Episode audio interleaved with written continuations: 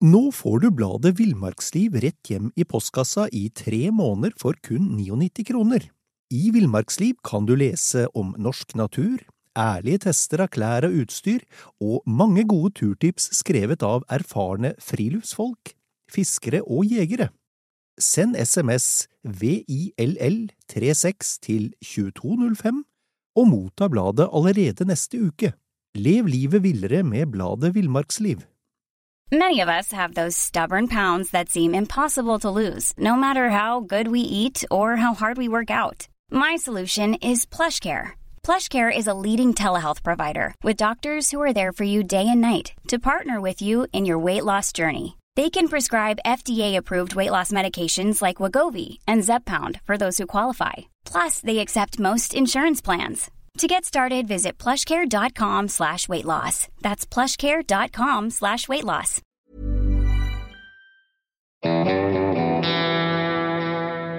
Velkommen til podkasten Villmarksliv. Mitt navn er Halvard Lunde, og jeg er redaksjonssjef i Villmarksliv. I dag skal vi snakke om å gå på tur. Ikke så mye om å gå langt på tur, men mer om det å være lenge på tur. En som liker å være lenge på tur, er Jens Kvernmo. Han har lange opphold bak seg i fjellet, og mange kjenner han nok fra NRK-serien Jens i villmarka, nå sist fra Canada. Og det er i Canada vi treffer Jens på en passe dårlig Skype-linje. Jens, hva er det som er så forlokkende med å være ute i naturen i uker og måneder i strekk? Ja, um, det er jo noen ganger man spør seg sjøl om det òg, når man fryser og er matinn og kald. Men uh, jeg vet ikke, jeg har en sånn veldig tiltrekning til naturen. da. Jeg har jo vokst opp med jakt og friluftsliv og fangst og fiske. Og, og den drivkraften blir jo egentlig bare sterkere og sterkere. og, og det er vanskelig å sette ord på det, egentlig, men det er bare Jeg føler en veldig stor glede da, av å være i naturen. For det er jo helt fritt for stress og mas og jag. og Man trenger ikke å tenke på hvordan man eh, ser ut i forhold til andre mennesker. Og, og jeg tror det har noe med det å gjøre. Altså. At man eh, er veldig naturlig da, å være, være i, i naturen gått over stokk og stein med tanke på hvor lang tid i gangen jeg bruker å være på tur nå. Da. For det, det, begynte jo som helgeturer som vanlige folk, og så nå er det jo mange måneder i slengen. så jeg vet ikke hvor det gikk galt igjen. Men... Tenker du at dette er noe som du på en måte At det er medfødt, noe du har liksom i genene, eller er det tillært? Nei, jeg tror det har noe med Altså, det er medfødt, ja, men det tror jeg nå alle sammen har. Det er medfødt, da. Uh, fra eller det var nå i hvert fall det, da, for i gamle dager da, så tror jeg nå alle hadde i seg, og nå er det kanskje litt mer uh, eh, utvaska blant uh, dem som har vokst opp i storby, eller i generasjoner da, har vokst opp i dette storsiviliserte samfunnet. Da vaskes det kanskje litt ut, men jeg tror alle sammen har det i seg, ja. Det er bare å plassere alle sammen foran et, et, et, bål, og da, da trives alle sammen der, altså. Og jeg tror det ligger i oss alle. da det var jo sånn vi en gang var tenkt å leve, da. Så det tror jeg alle har i seg, ja. Det er liksom steinaldermannen i oss som kommer fram i deg? Ja, jeg tror det. også. Vi har jo i tusenvis av år så har vi nå levd på den måten her, da. Og så er det nå tross alt bare de siste hundre årene kanskje at vi liksom virkelig har levd i en sånn sivilisert verden, da. Mm. Så jeg tror det fortsatt sitter igjen, ja. I, i, alle, i alle sammen. Så, ja.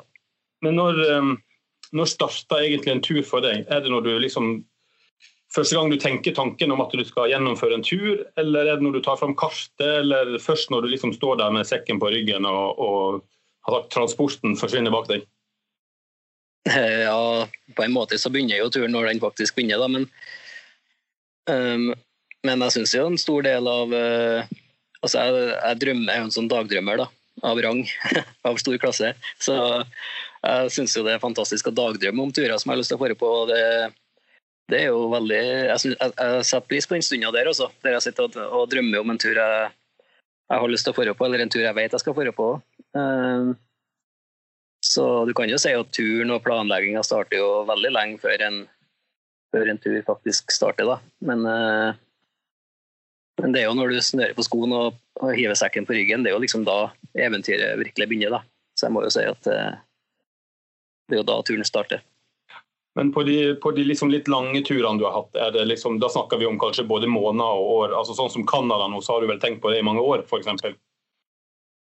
Ja, dette begynte jeg å tenke på. Jeg vet ikke hvor gammel jeg var, 13-14 år sikkert. Når jeg leste eh, Jeg kommer på det godt, jeg. Og hjem til en bestefar. Og, og, han har jo mye bøker, sånne gamle sånn, eh, villmarksbøker. Og det var der jeg fant den derre 'Pelsjegerliv', da, som en Helge Ingstad har skrevet. Mm.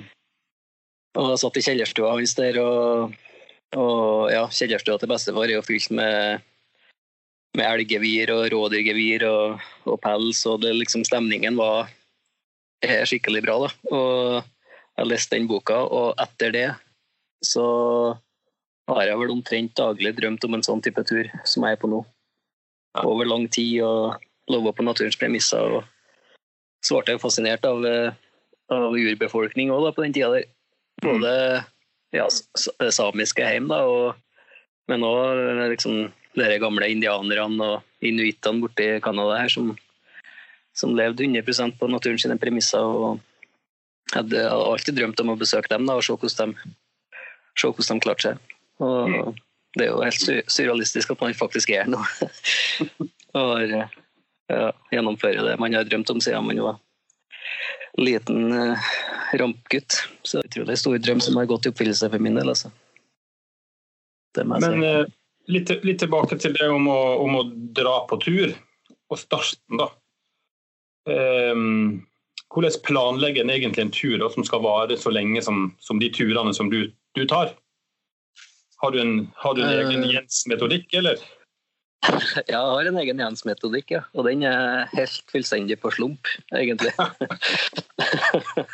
jeg har jo levd hele livet på slump. en slump, egentlig. Har jo aldri hatt noe sånn Nå skal ikke jeg påberope meg noe ekspertise i planlegging, da, for det er jeg nok ikke. Men eh, jeg tror nok det handler altså lister og sånn. Jeg bruker ikke Jeg vil jo anbefale å bruke lister, da, selv om jeg gjør noe egentlig ikke det sjøl. Men, eh, men man bygger seg opp en erfaring etter hvert da, med Altså, man lærer jo når man gjør noe feil. ikke sant? Altså, når man har eh, f.eks.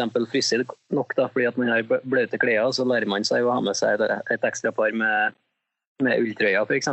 Eller eh, Så det handler jo mye om erfaring òg, tenker jeg. Det å, det å, planlegge og pakke for en lang tur. Men uh, nå er jo internett kommet for å bli, ser ut som, så det finner man jo mye lister og ja, pakklista over alt man trenger å ha med seg på en sånn en lang tur. da. Selv om alle turer er jo individ, individuelle, så man kan jo ikke ha med seg det samme på en, eh, en kanotur som man har med seg på en hundespanntur. heller. Så men er du, er du, metodisk når du pakker, sånn at du liksom pakker litt sånn område for område? Altså klær, mat, utstyr? Ja, jeg er nødt til å Jeg må jo jeg bruker å legge alt utover et gulv. da. Hvis jeg har et, uh, en garasje eller en bod, så legger jeg alt utover uh, Alt jeg skal med meg, legger jeg utover. Så jeg har det framme meg. Og så får jeg nødt til å se det, da, hvis jeg skal klare å komme på, komme på alt. Og da deler jeg opp det veldig metodisk da, med klær uh, i et hjørne, og så er det camputstyret midt på, f.eks., og så er det, er det annet jakt-fiskeutstyr på én kant. da. Og så visualiserer jeg da turen og ser hva, hva jeg kan få bruk for, og mm. hva som er overflødig. da. Og det er jo gjerne det overflødige du må lete etter, da, for at uh, alle sammen har jo pakka for mye. ja. Ikke sant? Det er veldig, veldig, lett å pakke for mye. Så det du leter etter, er egentlig det du ikke Når jeg bruker den metoden der jeg legger alt utover, så er jo det jeg leter etter, er jo det jeg ikke har bruk for. Ja. Så, og gjerne sånn dobbel altså hvis, hvis en ting kan være dobbel ha en dobbel funksjon. Da. Det liker jeg jo, da, at jeg kan bruke, ja, bruke en ting eh, eh, til flere formål. Mm. Det er jo veldig fornuftig, da. Uh, ja. Men noe sånn uh, metodisk fremgang, det skal jeg egentlig ikke påberope meg, altså, men det Men jeg har jo fått en del erfaring etter hvert, så jeg, jeg klarer jo å se men sjøl om det er rart med det på sånne korte turer, hvis, hvis jeg skal på en sånn helgetur f.eks. Ja. Det er veldig sjelden det skjer nå, da, men hvis jeg skal på en sånn helgetur med kamerater, sånn, så da, da, kan jeg finne på å glemme å ha med meg bestikk, f.eks., eller glemme av eh, sånne små og sånne helt sånne elementære ting da, å ha med seg. Og det er ganske sånn pussig fenomen, egentlig. Ja. For, eh, så mm, det er sikkert lurt å ha ei sånn standardliste også, som man går gjennom. Du, du nevnte jo bl.a. klær. Vi kan, jo, vi kan jo begynne litt der òg. Um, hva er det du egentlig tar med deg på en sånn lang tur som du er på nå, av klær? Um, ja, nå er det jo litt spesiell den turen her, ettersom det er alle, det er alle årstider og alt. Ja. Jeg må jo være forberedt på alt, da. Men uh, la oss si, nå har jeg akkurat kommet fram til en sånn inuittlandsby her. Jeg padla i 1100 km med hundene og alt. Jeg kunne ta den turen som utgangspunkt. da, og da, da Altså når jeg Måten jeg tenker på, da, det er at jeg bruker meg den verste dagen som jeg kan møte på en sånn tur. Altså, Mm. og på den turen her så var det jo, er det jo typisk sånn rundt null grader, eh, sludd og regn og mye vind. Da. tenker jeg at da skal Den dagen skal jeg ha på meg absolutt alt jeg har av klær eh, på meg. Da. Og det er liksom, da skal jeg være kledd med alt jeg har, og det er perfekt bekledning for akkurat den dagen.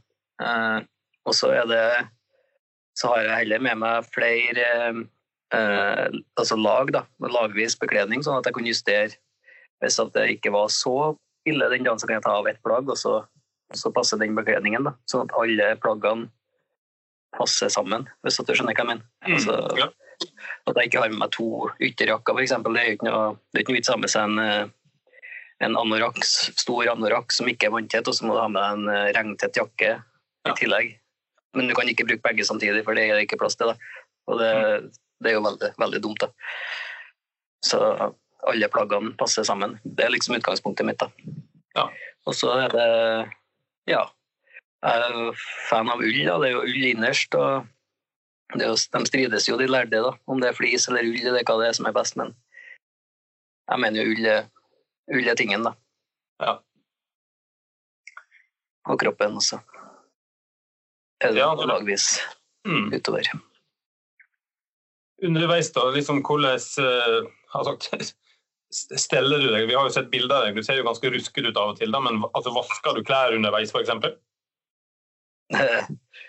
ja, altså nå er jeg noe ungkar, jeg må jo passe på hva jeg sier nå daglig. Men uh,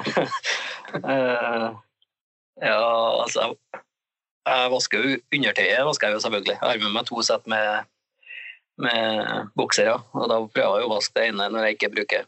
Ja. Eh, og ulltrøya, f.eks. På finværsdager så bruker jeg jo og det er faktisk ganske viktig. Altså, og, og i hvert fall om du ikke vasker dem med sånn tøymykner, da, så bare at du skjøler ut den verste svetten og sånn, det tror jeg er viktig. da. Og det blir varmere. Eh, Det er, stor, og det er veldig stor forskjell på, faktisk. altså. Og det å f.eks. for, en vintertur investere i, tørr, investere i helt ny ulltrøye, f.eks. Mm. Det, det har stor betydning, vil jeg si. Og, så det å holde noen under rent i hvert fall, det tror jeg er viktig. da. Mm.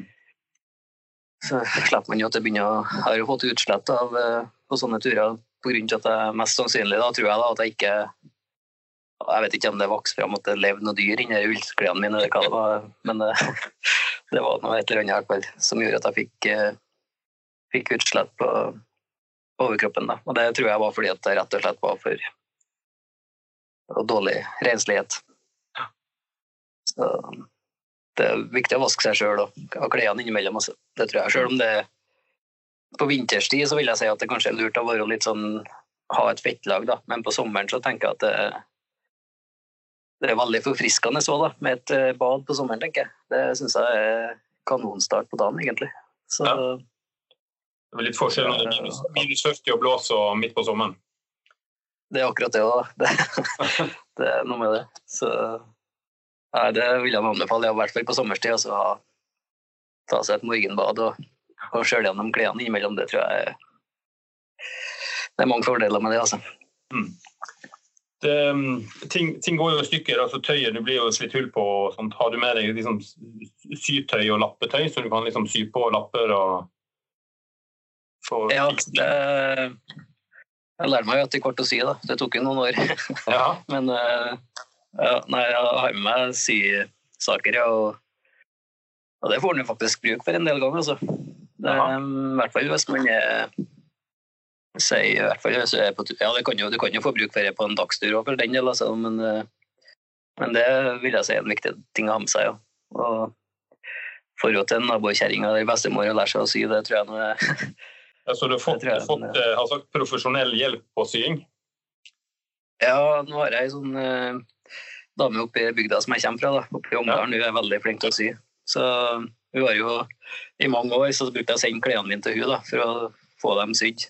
Jeg bytta det mot, uh, bytta mot kjøtt, faktisk. Rådyrkjøtt og elgkjøtt og sånne ting. Så bytta jeg sying tilbake. Da, men at, til slutt så måtte jeg liksom bestemte meg for at det her må jeg jo lære meg sjøl. Det kan hende at det virkelig blir behov for en dag.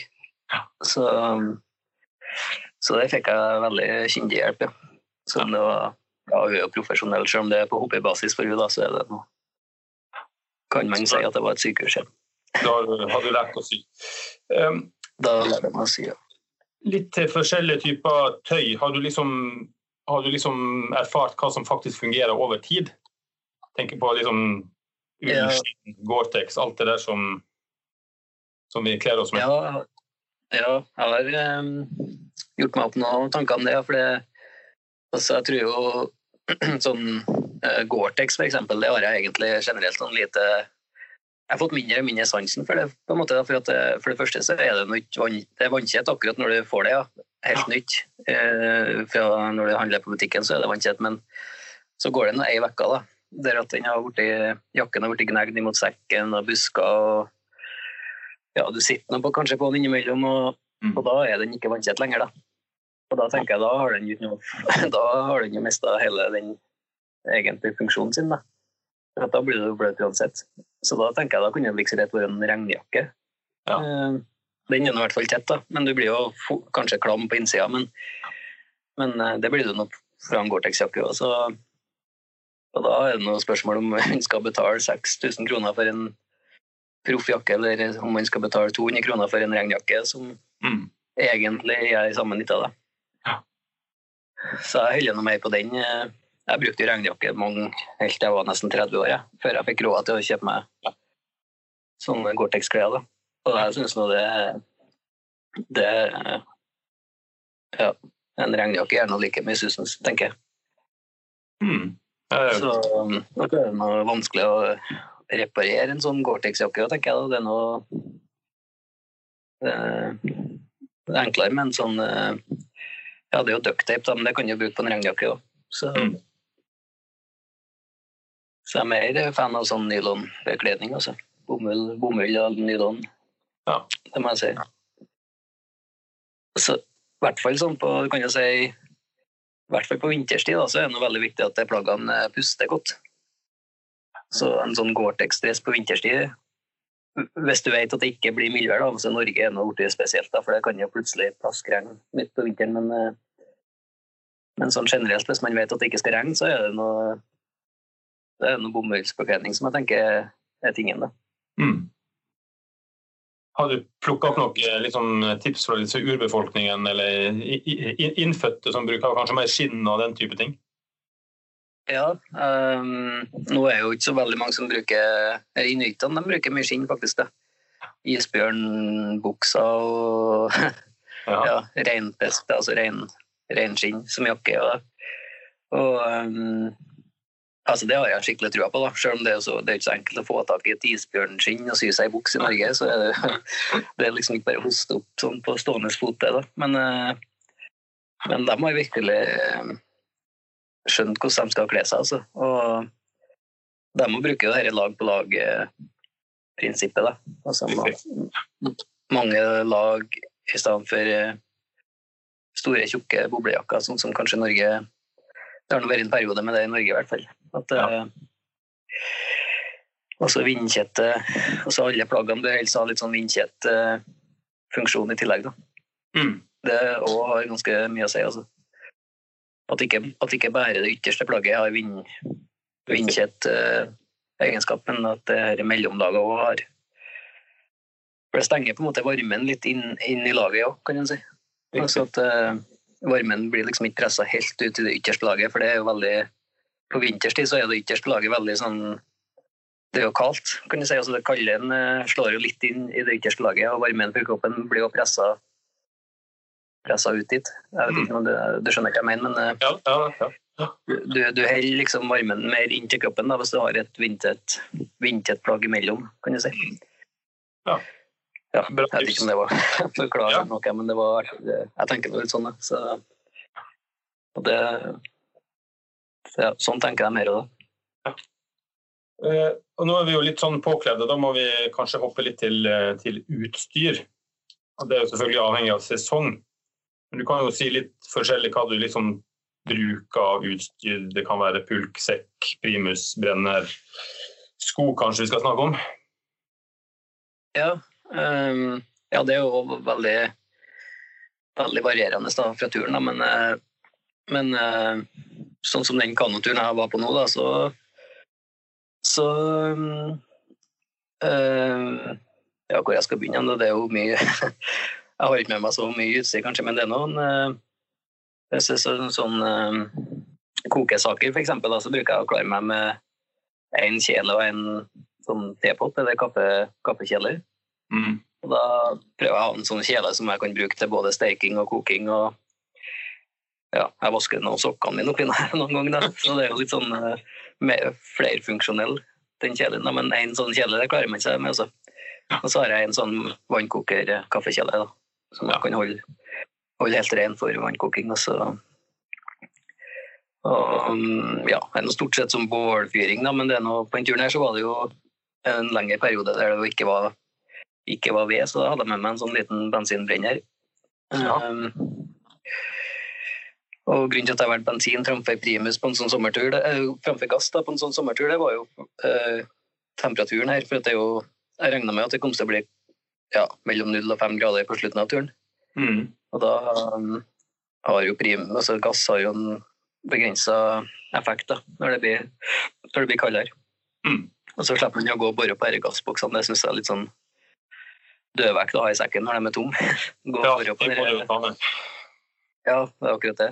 Så um, Det var en lang tur og to måneder ca., så det var Da tenkte jeg sånn at jeg ville ja, ha minst mulig å bore på. da. I hvert fall sånn tomme gjenstander. Så da var det jo det. Og Det er jo sko, for eksempel. Ja, ja, sko, ja. Der, ja, jeg satt og kikka på skoene mine, for de står til tørker. Og da er det eh, sånn Gore-Tex-sko, for eksempel, det har jeg jo gått bort fra. da, for at det, at det altså, sånn Gore-Tex-sko de er vel og bra, dem også, når de er tørre og, Mm. tørre og fine. da, Men problemet er den dagen de blir bløte. Og det blir de jo gjerne ganske umiddelbart da, på en lengre tur. Og da tar det jo flere dager å tørke opp et par sånne sko. Så det har jeg egentlig gått helt bort fra. Så nå er det kun sånn lær, lærestøvler egentlig jeg syns er best. da. Mm. For de tørker jo fort opp. Og, og så kjøper jeg et, et nummer for stor, større enn jeg egentlig bruker. For da får jeg plass til et par ekstra tjukke ullsokker inni i stedet. Men de kan fortsatt brukes med bare så, sånn tynne ullsokker. Så Men da snakker vi om uf ufora lærsko. Ufora lærsko, ja. Sånn typisk sånn eh, gode, gode gamle Lundakskoene er jeg jo fan av. Ja. Og um, sånne type ting, da. Mm. Og sånne type sko, mener jeg. Så ja. Det er sånn eh, For det er fuktighet, eksempel. Det er jo en sånn ting på lang, lang tur. da. Du må ha kontroll på den fuktigheten, for den eh, Nå får du bladet Villmarksliv rett hjem i postkassa i tre måneder for kun 99 kroner. I Villmarksliv kan du lese om norsk natur, ærlige tester av klær og utstyr, og mange gode turtips skrevet av erfarne friluftsfolk, fiskere og jegere. Send SMS VILL36 til 2205 og motta bladet allerede neste uke. Lev livet villere med bladet Villmarksliv.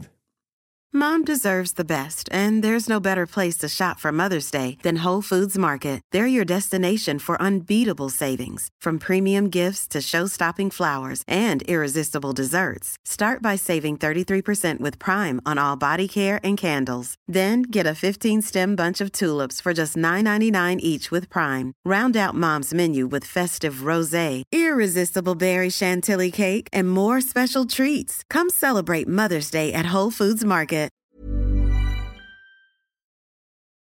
For altså, blir du blaut, så blir du jo kald. Og blir Ja. du kald, så mistrives du, og da blir det jo ikke en bra tur.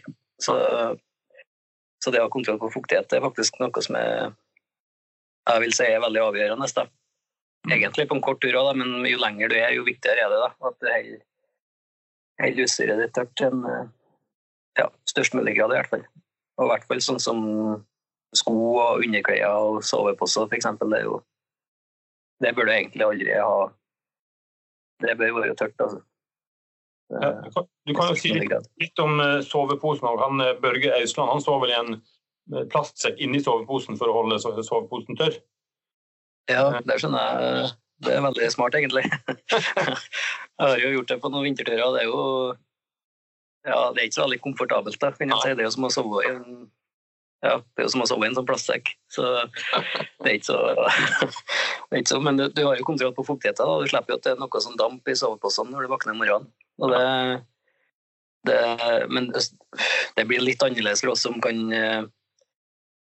For oss som er ikke krysser Nordpolen annethvert år, da, så blir det litt annerledes, tenker jeg. Eh, og hvis at du kan ta inn på ei hytte hvis at du kan være innomhus en gang i ny og ne og få tørka opp en gang, så er det jo ganske stor forskjell da. Ja. på å krysse Nordpolen og for å surre rundt som oss vanlige folk. Så, mm. men, eh, men, prinsippet er jo det samme. da, så holde, han, han gjør sitt for å holde ting tørt. og det, det er veldig viktig. altså. På sovepose er det, er det dun du sverger til, eller går det for kunststoff? Ja, på vinterski så er jeg fan av dunsovepose. Eller du kan si det egentlig, hvis jeg skal sove inni telt, mm. så kan jeg velge dun. Og det kan jo være på sommertur, og det er for så vidt også. Men hvis jeg skal være innomhus, så er det dun. Og hvis jeg skal sove ut med bål eller ja, under åpen himmel, så er det fiberpose. da. Mm. Og det har noe med fuktigheten å gjøre, egentlig det òg. For at en sånn dunpose blir Hvis den blir blaut, så mister den all effekten, egentlig. I hvert fall 90 eh, Og den tåler jo ikke noe mye juling heller. Så i hvert fall hvis det blir ett hull i en sånn dunpose, så har du jo hele så har du jo en sånn gåsefarm inni teltet. Så det har jeg prøvd. Men, jeg hadde en hund en gang som var veldig interessert i å finne hva som var inni en sånn dunsovepose. Og det, og det gjorde han? Ja, det gjorde han. Og du, ble, ja, du blir overraska hvor mye dun faktisk som er inni en sånn dunsovepose. Altså. Det er ekstremt. Ja. I hvert fall inni et telt. Kalde netter etterpå, da? Ja, det ble det. Det var heldigvis bare kort. Det var en kort jakttur. Det var en av jakthunden min som som sikkert var sulten. Så. Men, uh, skal vi ta to ord om eh, sekk også, når vi først er inne på utstyr? Ja, sekken det, det er jo ganske viktig, viktig gjenstand. Da. Og det er jo litt sånn varier, det kommer an på hva type tur du skal på. Da. Men eh, skal du på en lang tur, så det noe, må du ha stor sekk, og da er det viktig at det er øh, Først og fremst at sekken passer deg, da, at, den er vi er jo forskjellige. Noen har lang rygg, og noen, noen har kort rygg. Altså, mm. Nå er de fleste sekkene justerbare, da, så det er jo sånn at du kan jo De fleste sekkene kan du jo tilpasse sånn at de passer deg, men at det er det er viktig at det er sånn eh, hva skal jeg si, bæremeis eller et uh, rammesystem som er, er solid, da. Og som ikke ja, som ikke knekkes litt. De fleste sekkene er jo bra nå, da, i hvert fall hvis den går opp litt i priskasse, så er det noe bra. Altså at eh, hoftebeltet At du syns det er komfortabelt. da. Det er, jo, er vel litt sånn individuelt, tenker jeg. Mm. Um, og så gjerne se litt på vekta, den total, altså den uh, vekta på selve sekken, da, for det varierer litt, faktisk. og og um, jeg kommer på, jeg hadde en sånn, sånn uh, Jeg nappa med meg, jobba i Forsvaret en stund, og da tok jeg med meg en sånn uh, storsekk hjem. og Den var jo sånn god gammeldags sånn recon pack. Ja. Og den veide sikkert seks kilo til den sekken. Kun, kun sekken. Og det, det er rare utviklinga har skjedd litt. Altså. Jeg får jo bare rundt på en fire kilo ekstra hver tur. Ja, da kan en jo bare med seg fire kilo med mat i stand, altså. Så, så kan gløtte litt på den vekta på sekken, for den er det er jo en sånn ekstra vekt du må bære med deg absolutt hver eneste tur. da. Så ett kilo er nå litt, er ett kilo det òg, så du Du kan unngå det.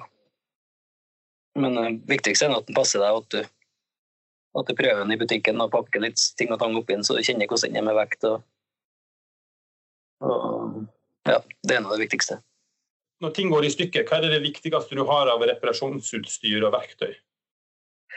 Um, jeg har jo med meg en del sånn uh, viktigste Jeg kommer litt an på hva som går i stykker, da. Men uh, det var jo en som sa det en gang at, uh, at hvis det er noe som beveger seg som ikke skulle bevege seg, så er det ducktape som er tingen, da. Ja. Og ducktape er liksom det, det har jeg alltid med meg, altså. Og ducktape og en sånn hyssingstump det, Da kommer en faktisk utrolig langt, altså. Mm. Med veldig mye. Og, men ellers sånn generelt har jeg med sysaker og ja, strips kan jeg ha med meg. Um, det tror jeg nok kanskje er det viktigste. da. Og så kanskje et sånt multiverktøy, sånn Leatherman-type ting. Mm. Av kan jeg enda litt kjekk å ha. Um, men ja, ducktape og, og hussingstump noen meter, det, det har jeg alltid med meg i hvert fall. Mm. Da, da kommer en langt, altså. Vi kan jo snakke litt om mat òg. Vi har jo sett deg gå sulten på TV, og det er jo for oss som er glad i mat, det er jo ganske en lidelse når du ser du spiser liksom triste bær og fisk som vi kanskje ellers hadde kasta. Eh, hvor sulten har du? Uh, ja, altså nå Jeg vet ikke, jeg har ikke sett dette programmet sjøl, men jeg, jeg, antar jo at de har, har spilt opp dere, at jeg var sulten ganske kraftig. da. Det er jo litt sånn TV-teknikk, det der. Men, ja. men uh, uh, jo, altså, jeg har jo vært i matin noen ganger. men altså, nå skal ikke jeg sutre over det, da, for det er jo helt frivillig. Men, men også vil jeg si at så jeg, jeg eter jo som en konge mye på de turene. Da, så jeg eter jo fersk fisk nesten hver dag. Og ja. Ja plukker bær og kjøtt noen ganger. Og det er jo, jeg spiser jo som en konge, og egentlig det er jo beste råvarene vi har. Så, ja. Men Nei, altså, jeg har vært i så matin Jeg kommer på en gang Det var jo på en sånn konkurranse jeg var med på, alene. Ikke? Og da, ja. altså, da var jeg matin, da. For da, da fikk vi ikke ha med oss noen verdens ting. Eh, og da kommer jeg på at jeg hallusinerte at jeg så en pizzarestaurant oppe i fjellsida der. Jeg så liksom at det glimta i taket på den pizzarestauranten. Og, så da var jeg rimelig fettsugen, tror jeg. Gira på et sånt uh, solid sånn reinsgryt. Reinskjøttgryt. kjøttgryt. Sunt å kjenne på òg, å være liksom, matin, da. altså sulten. Så for at man uh, Fader, vi lever jo i en sånn luksus da, at vi skjønner jo egentlig ikke helt uh, Altså, vi kan gå på matbutikken hver eneste dag, altså søndager inkludert, da, og, og handle, handle akkurat den maten vi har lyst til, fra hele verden, som er inne på den butikken. da, og det, det er luksus, altså. Og så klager vi da for at banan begynner å bli brun, f.eks. Og da tenker jeg herregud, hvor er, hvor er verden er på veien, altså? Det, det, det er helt vilt. Så det å gå rundt og være litt matinn og, og, faktisk må gjøre en innsats for å ete seg mett, det tror jeg egentlig alle har hatt godt av også. Men ute på tur har det noen gang vært, vært kritisk? Liksom at du tenker nå, nå må jeg ha mat? Um, nei, egentlig ikke helt kritisk. Nei, det har vært sånn at det har vært skikkelig ja, Ikke sånn kritisk, nei, det vil jeg ikke påstå. Det var um,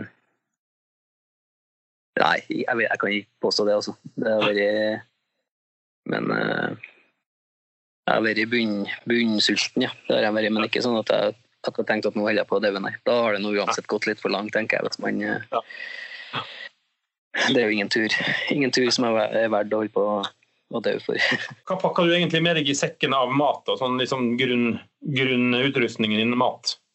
Ja, altså nå på den turen her den kanoturen jeg var på nå, da, så brukte jeg faktisk Det var ei sånn gammel kone i en landsby som har bodd i eh, denne, altså indianerkone, da, som jeg satt og prata med, og så spurte jeg litt hvordan de eh, provianterte på gamle dager. da, Eller hva de brukte altså hvis de skulle på en lang ferd, da, hva var det de, de hadde med seg. Og, og hun huska jo fra gamle dager, da, så hadde de med seg eh, egentlig veldig likt sånn som jeg har gjort det tidligere, men de hadde med havregryn og sukker da, mm. til sånn typisk frokost.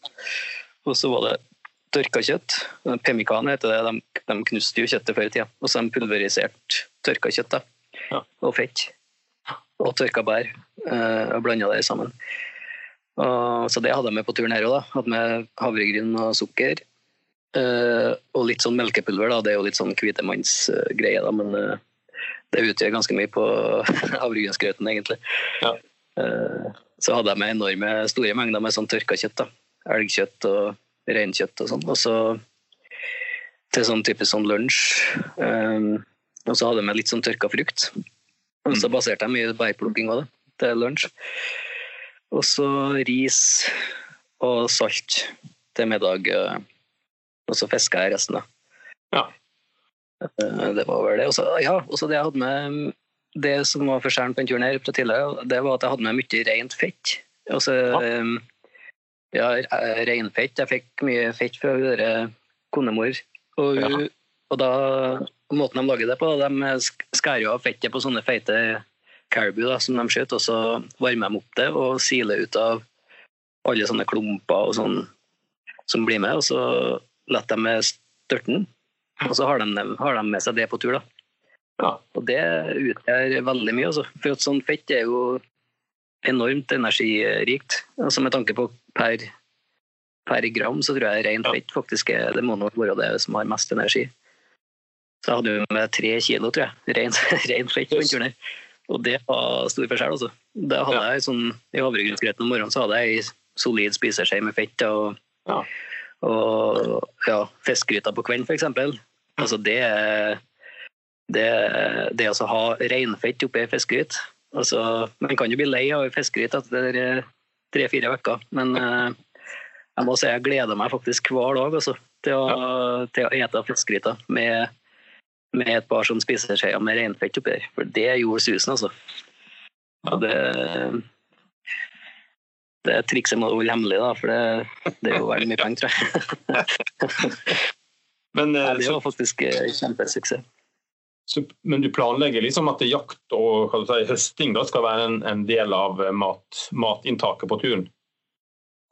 Ja, jeg gjør det. Men det, og det er jo, altså, jeg har vokst opp, vokst opp med en bestefar som er over middels interessert i sånt. Da, så jeg har jo jeg har jo alltid likt å høste egentlig av naturen. og og så er det jo litt med sånn vekt og volum og sånne ting å gjøre. at man kan ja. Men det er mest sånn følelsen av å faktisk klare seg litt sjøl.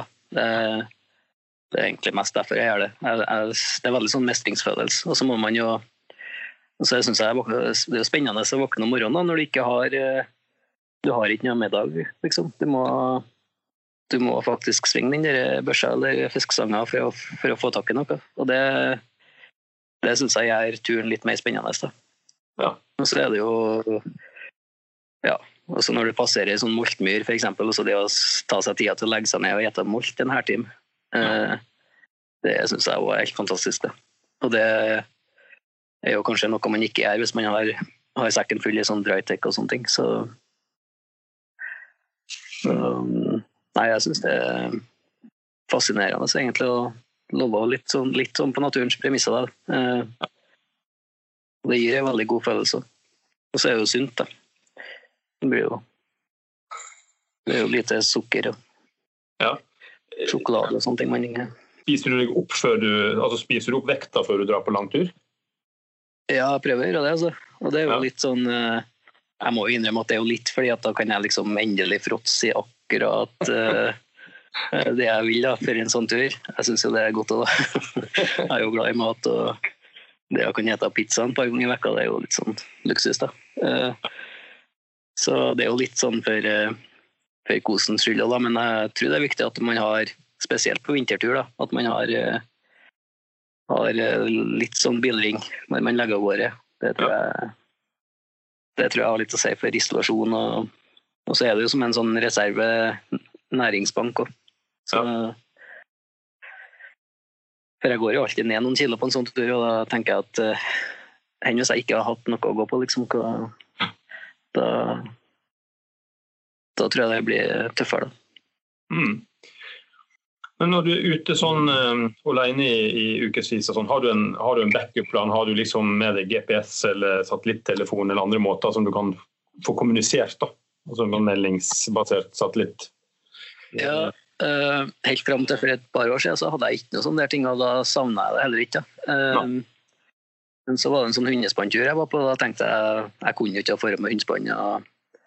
Da tenkte jeg at, uh, at på den turen så var det såpass stor risiko at jeg kanskje burde hatt med meg en sånn uh, nødpillesender. Bare ja. sånn uh, Både med tanke på meg, men også med hundene sin del. Hvis, hvis, det skulle skje noe, så hadde jeg i hvert fall en mulighet da, til å få hjelp. Ja. og etter at jeg fikk tak i den, så kjenner jeg på det at det å få ut den er faktisk litt sånn Man føler seg nesten litt sånn naken igjen. Mm. Eh, fordi at man er litt, sånn, litt vant til å ha den der eh, dingsen i sekken. da. Eh, og jeg tenker nå at sånn at eh, når den teknologien først finnes, da, så, så vil jeg nå påstå at det er lurt å ha med seg noe sånt. Da, for at eh, man vet jo aldri, da. Man, og hvis man er mye på tur, så er nå sannsynligheten for at man, man, møter på noe der. det blir noe større òg, tenker jeg. Så, så, så, nå har jeg med meg alltid en sånn nødpillesender. Altså. Og da har du avtale med noen? Er det som går til en sånn sentral, eller er det til, um, til um, folk du kjenner?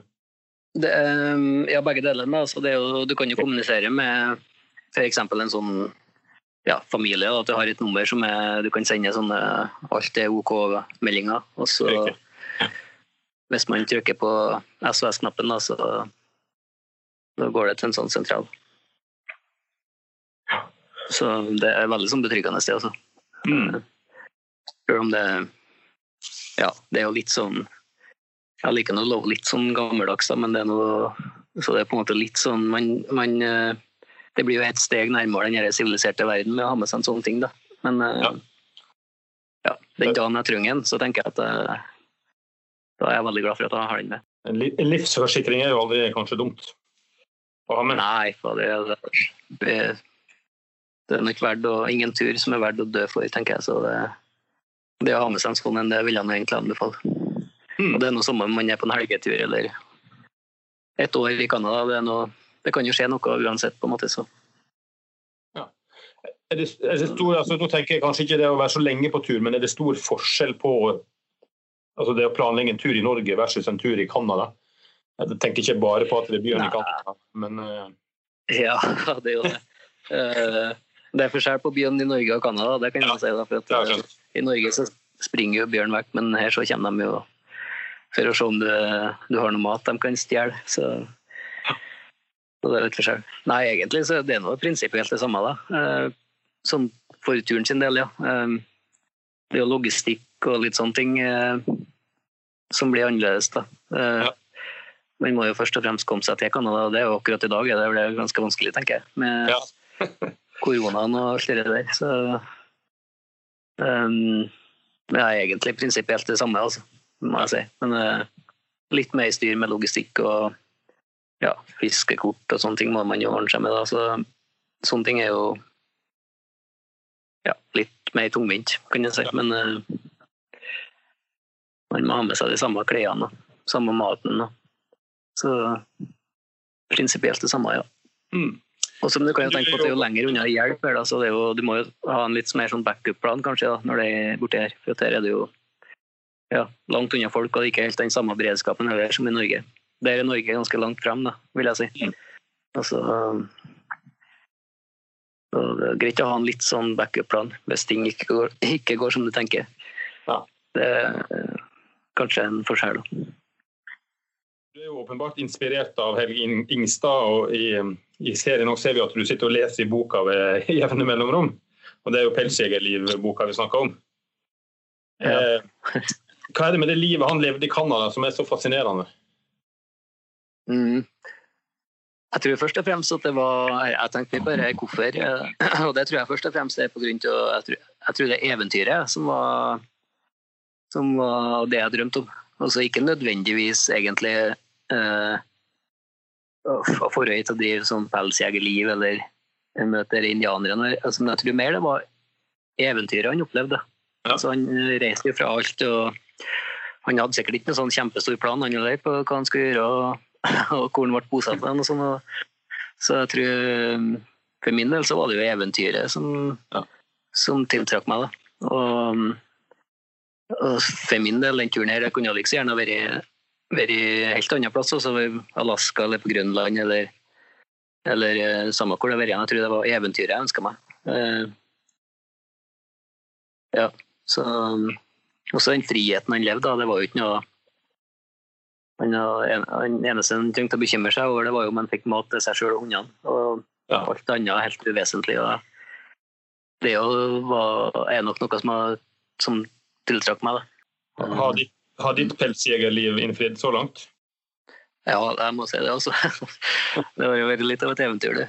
Herregud, det var litt av en gjeng. Det var jo Ja, altså litt Det var jo krevende i starten òg, for at man eh, Altså, jeg, går, jeg er jo white man, som de kaller det her, da. Hvite mann. Ja. Så du står jo ikke spesielt høyt i kurs når du slumper inn i en sånn landsby. Så du må jo liksom gjøre deg litt respektert, da. Og fortjent til å, til å bli en del av dem. Og det tok litt tid, det, altså. Ja. Men, eh, men den gjestfriheten som jeg møtte etter at de forsto at jeg kanskje var en av dem, da, og Ja. den var helt enorm, altså. Og, ja, det er veldig sånn rørende for at de er jo fattigslige, da. I, I hvert fall i norsk målestokk så er de jo, er de jo fattige, da. De har jo ikke noe mer enn de trenger for å klare seg, da. Um, men når jeg kom inn døra, så til en familie så satte de jo fram det beste de hadde av mat, og det var nå gjerne reinkjøtt, kalvekjøtt. Og, og hvis at det var noe jeg trengte, så var det sette de himmel og jord i bevegelse da, for, å, for å få tak i det. Hvis det var noe ja, hundsledene jeg trengte noe taug for å få fiksa inn hundsledene, så var det liksom Sette dem i gang og ordna opp, da.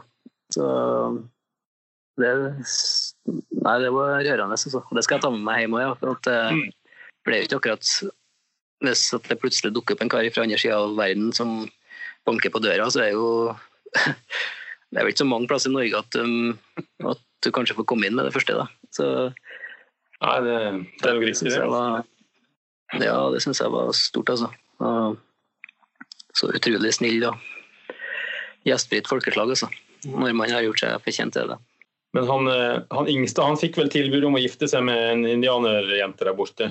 Du har ikke, du har ikke fått sånne tilbud, du da? Jo, faktisk. Eller først. Ja, jeg bodde til en sånn familie her i Lutstelke, heter den landsbyen, og da mora ville jo adoptere meg. Det, Ja.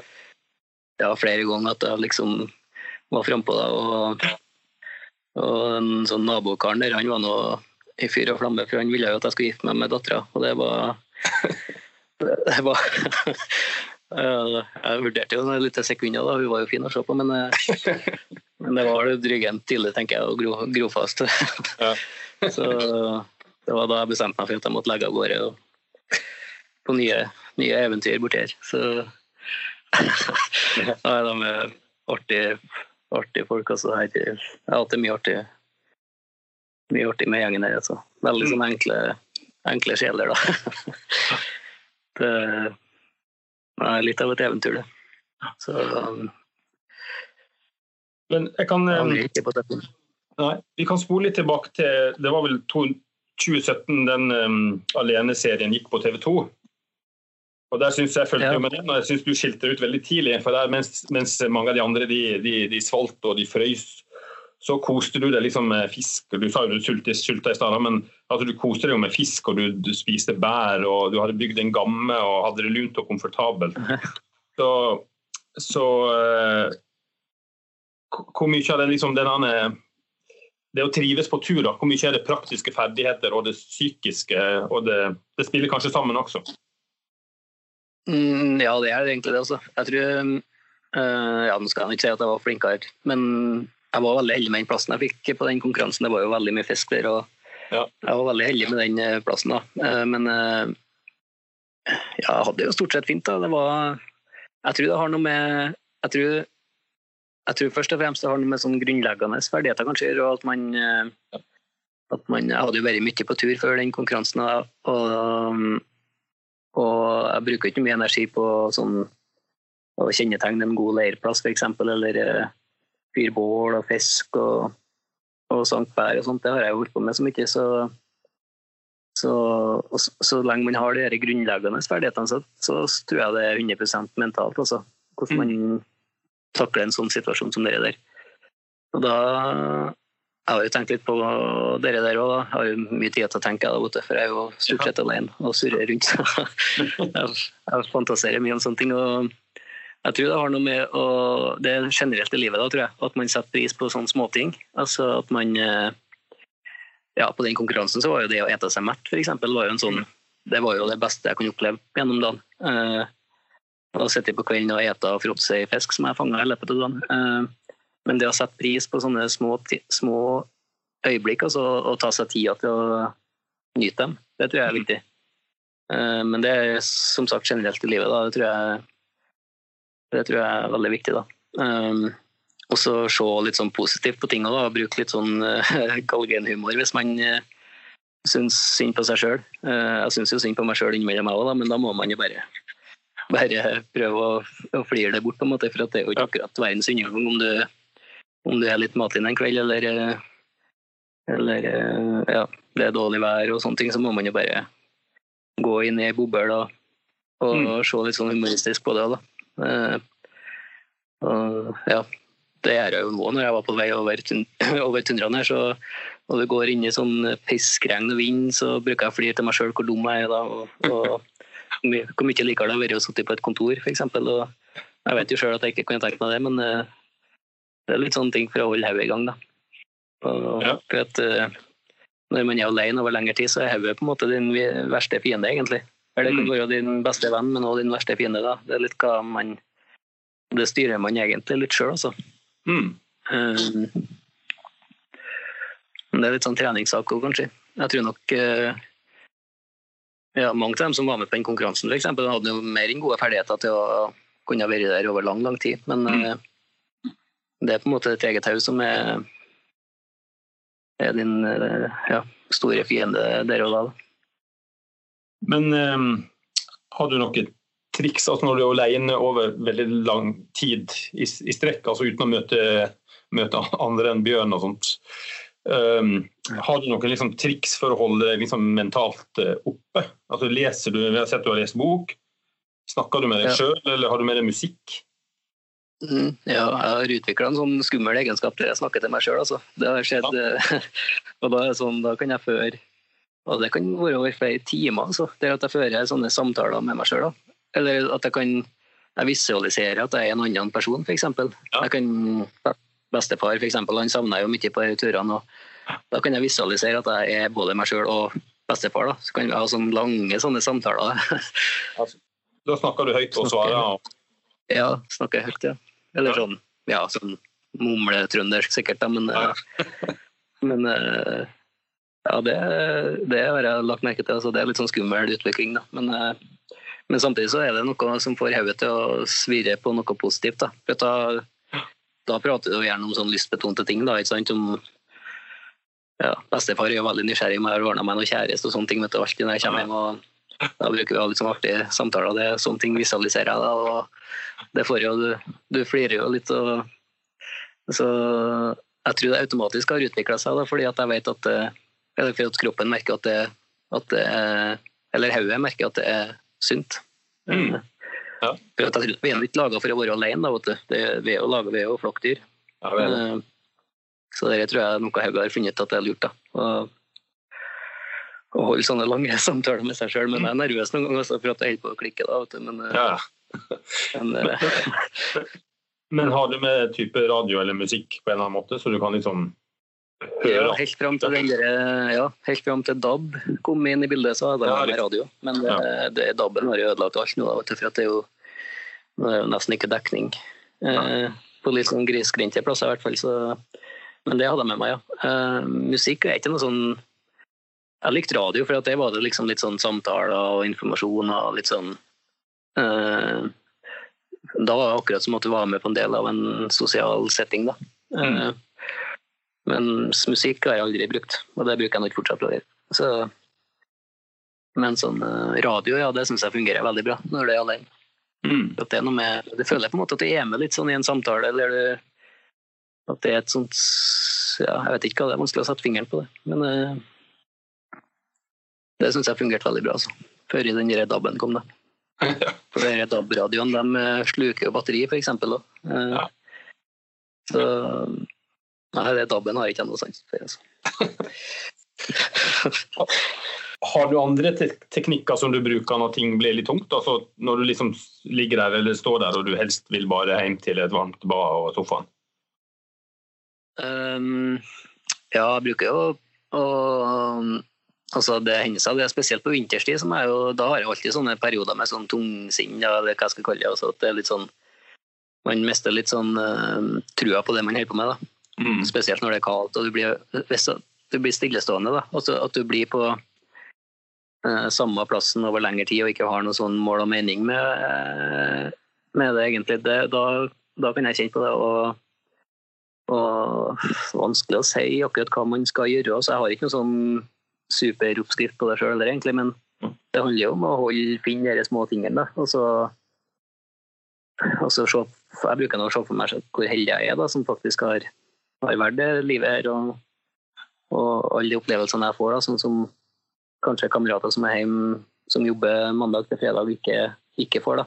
Mm. Selv om det, det er ikke noe galt i det å arbeide mandag til fredag. Også. De fleste har noe er noe, har noe best av å gjøre, sånn, tror jeg, men uh, og trives godt med det. Også, og det er noe viktig også, da, at det er mange sånne som driver landet fremover. Men, uh, men uh, jeg bruker å se for meg sjøl hvor privilegert jeg er som er frisk og rask og har muligheten til å gjøre sånne ting. Og, og så er det litt sånn å stå han av, egentlig, for plutselig så snur det noe. Det kan jo gå et par dager der man er litt sånn i dårlig humør, og, og det er jo samme når man er hjemme, egentlig. da. Altså, man har jo dårlige dager og gode dager. og bare pass på at jeg ikke får fotfeste, liksom. Og, og ja, ri på bølgen når den gode bølgen, da, ri på den når den kommer. Så. Når du er ute sånn alene, hva med sånn redsel og frykt? Altså, du er alene, du er langt fra folk, og du har jo innimellom bjørner som tusler rundt leiren. Er det liksom sånn Er du redd, f.eks.? Ja, noen ganger er jeg redd, men det tror jeg nå er det tror jeg er veldig naturlig òg, da. Egentlig. Ja. Være, det tror jeg er litt sånn kroppens uh, En sånn uh, motor som kroppen har for at du skal gjøre de gode, rette valgene. Men uh, ja. Jeg tror det er farligere å ikke være redd. Da. Eller altså, hvis ja. man skal gå rundt og være noe sånn supermann, så tror jeg nå det Jeg kjempa, jeg drev jo med litt sånn topptur i sånn randonee for noen år siden. Så var noen kamerater som ble veldig interessert i sånn randonee-toppturer. Og da merka jeg at det utvikla seg En av kompisene mine var veldig sånn uredd da, i sånne mm. bratte fjellsider. og, og um, jeg kjempa en gang spesielt, så gikk det mye snøras rundt oss og snøskred. Og, og, han var veldig sånn pusha på at det var trygt og det var bra og vi skal opp på toppen og sånn. og da det, var, det er farlig, altså. Hvis at man uh, mister den Kall det redselen da, for at noe mm. som kan gå galt. Så det, det å, sikkerhetsmekanisme? Ja, det er det, altså. Så det å være redd, det tror jeg bare er sunt. Det. Så lenge at du ikke lar det gå Ikke lar det bli panikk, da. Altså, det er jo farlig. Men uh, det å bare være redd, det tror jeg nok er noe Det tror jeg er veldig sunt, altså. Uten at det skal Men man trenger ikke å gå rundt og være redd for så mye, men at man ja, blir nervøs når man uh, F.eks. i starten på en Canada-turen så var jeg ikke så erfaren med bjørn. Jeg hadde jo sett med bjørn i Norge, og sånn, men de springer jo unna. Uh, så de første bjørnene som jeg så her, som kom rett imot meg når jeg gjorde meg til kjenne, da kjente jeg jo på en sånn ja, litt, Jeg var jo redd. Uh, jeg visste ikke helt hvordan det Jeg kunne jo ikke bjørnespråket ennå, så jeg visste ikke helt hvordan, det, hvordan jeg skulle forholde meg til det. da men du skjerper deg veldig, da. Så jeg er nå ikke noe redd for å si at jeg er redd, i hvert fall. Så det tror jeg er veldig sunt. Også. Mm. Ja. Når du, når du på en måte, Nå skal du ut på tur igjen, men når turen er over og du liksom kommer hjem og får sige ned i en sofa og fått dusj og mat og sånt, hva skjer mentalt da? Er du liksom glad for at turen er over, eller er det liksom vemod? Er du trist? Jeg er veldig, veldig sånn blanda, egentlig. Sånn tosidig sak, egentlig. For at Altså, det er litt sånn pussig, da, for når du er hjemme, så gleder du deg veldig til å komme på tur. Uh, og på tur. Og så når du kommer ut på turen og liksom er litt sånn halvveis og du kanskje nærmere slutten på turen, så, så, gleder du deg til å komme hjem igjen. Og det er sånn merkelig sånn uh, uh, greie. Altså, vi gleder oss til noe som skal komme. Ja. Det, det tror jeg er veldig naturlig i alle oss. Da. Og det, det må man liksom ta seg på tak en gang altså, og nyte det man har rundt seg der og da. Og det prøver jeg å gjøre når jeg kommer hjem òg, selv om det blir sånn mm. Altså, jeg syns alltid det er veldig godt å komme hjem da, etter en tur og møte kamerater og få litt sånn uh, updates på hva som har skjedd hjemme og sånne ting, og ete god mat. og så Jeg trives veldig godt med det også, så, men så blir jeg veldig sånn vakuum, egentlig. For at man, uh, man har liksom ja, hvis man har vært på en lang tur man har gått og drømt om i lang tid, og så kommer man hjem, og så plutselig er det over. da. Det har gått og tenkt på det i så mange år, og så plutselig er det bare poff, og så er den drømmen ute av verden. liksom. Det er et sånn vakuum, eh, egentlig. Um, nei, det er veldig spesielt. ja. Så går det nå ei uke, så begynner jeg liksom å krible igjen. da. At, ja. at man må finne på noen nye tur Og på. det, så Det var ikke så lenge, den derre det blir gode heimkomsten. Rastløshet jo ikke fri. Ja, noe sånt som regel, ja. Varierer litt, men det, det går veldig fort. Sånn. Det syns jeg er godt å kjenne på. Da. At man går, gå og glede seg til noe. Det tror jeg nå er, det er noe bare sunt. Litt som en sånn når vi var guttungene og gledet oss til julekvelden, liksom, for den følelsen, den Jeg har den følelsen når jeg kommer til å dra på tur, da. og det syns jeg er veldig godt å kjenne på. Mm. Ja. Men Jens, da tror jeg faktisk vår tur er kommet til veis ende. Og um, i morgen så skal du ut i villmarka igjen. Da får jeg bare si god tur. Tusen takk, og trivelig å, trivelig å få være med på, på praten.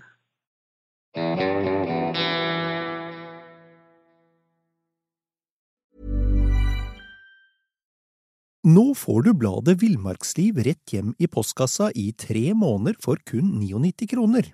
I Villmarksliv kan du lese om norsk natur, ærlige tester av klær og utstyr, og mange gode turtips skrevet av erfarne friluftsfolk, fiskere og jegere.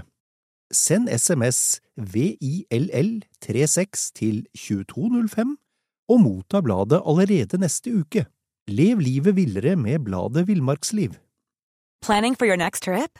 Elevate your travel style with Quince. Quince has all the jet setting essentials you'll want for your next getaway, like European linen, premium luggage options, buttery soft Italian leather bags, and so much more. And is all priced at 50 to 80% less than similar brands.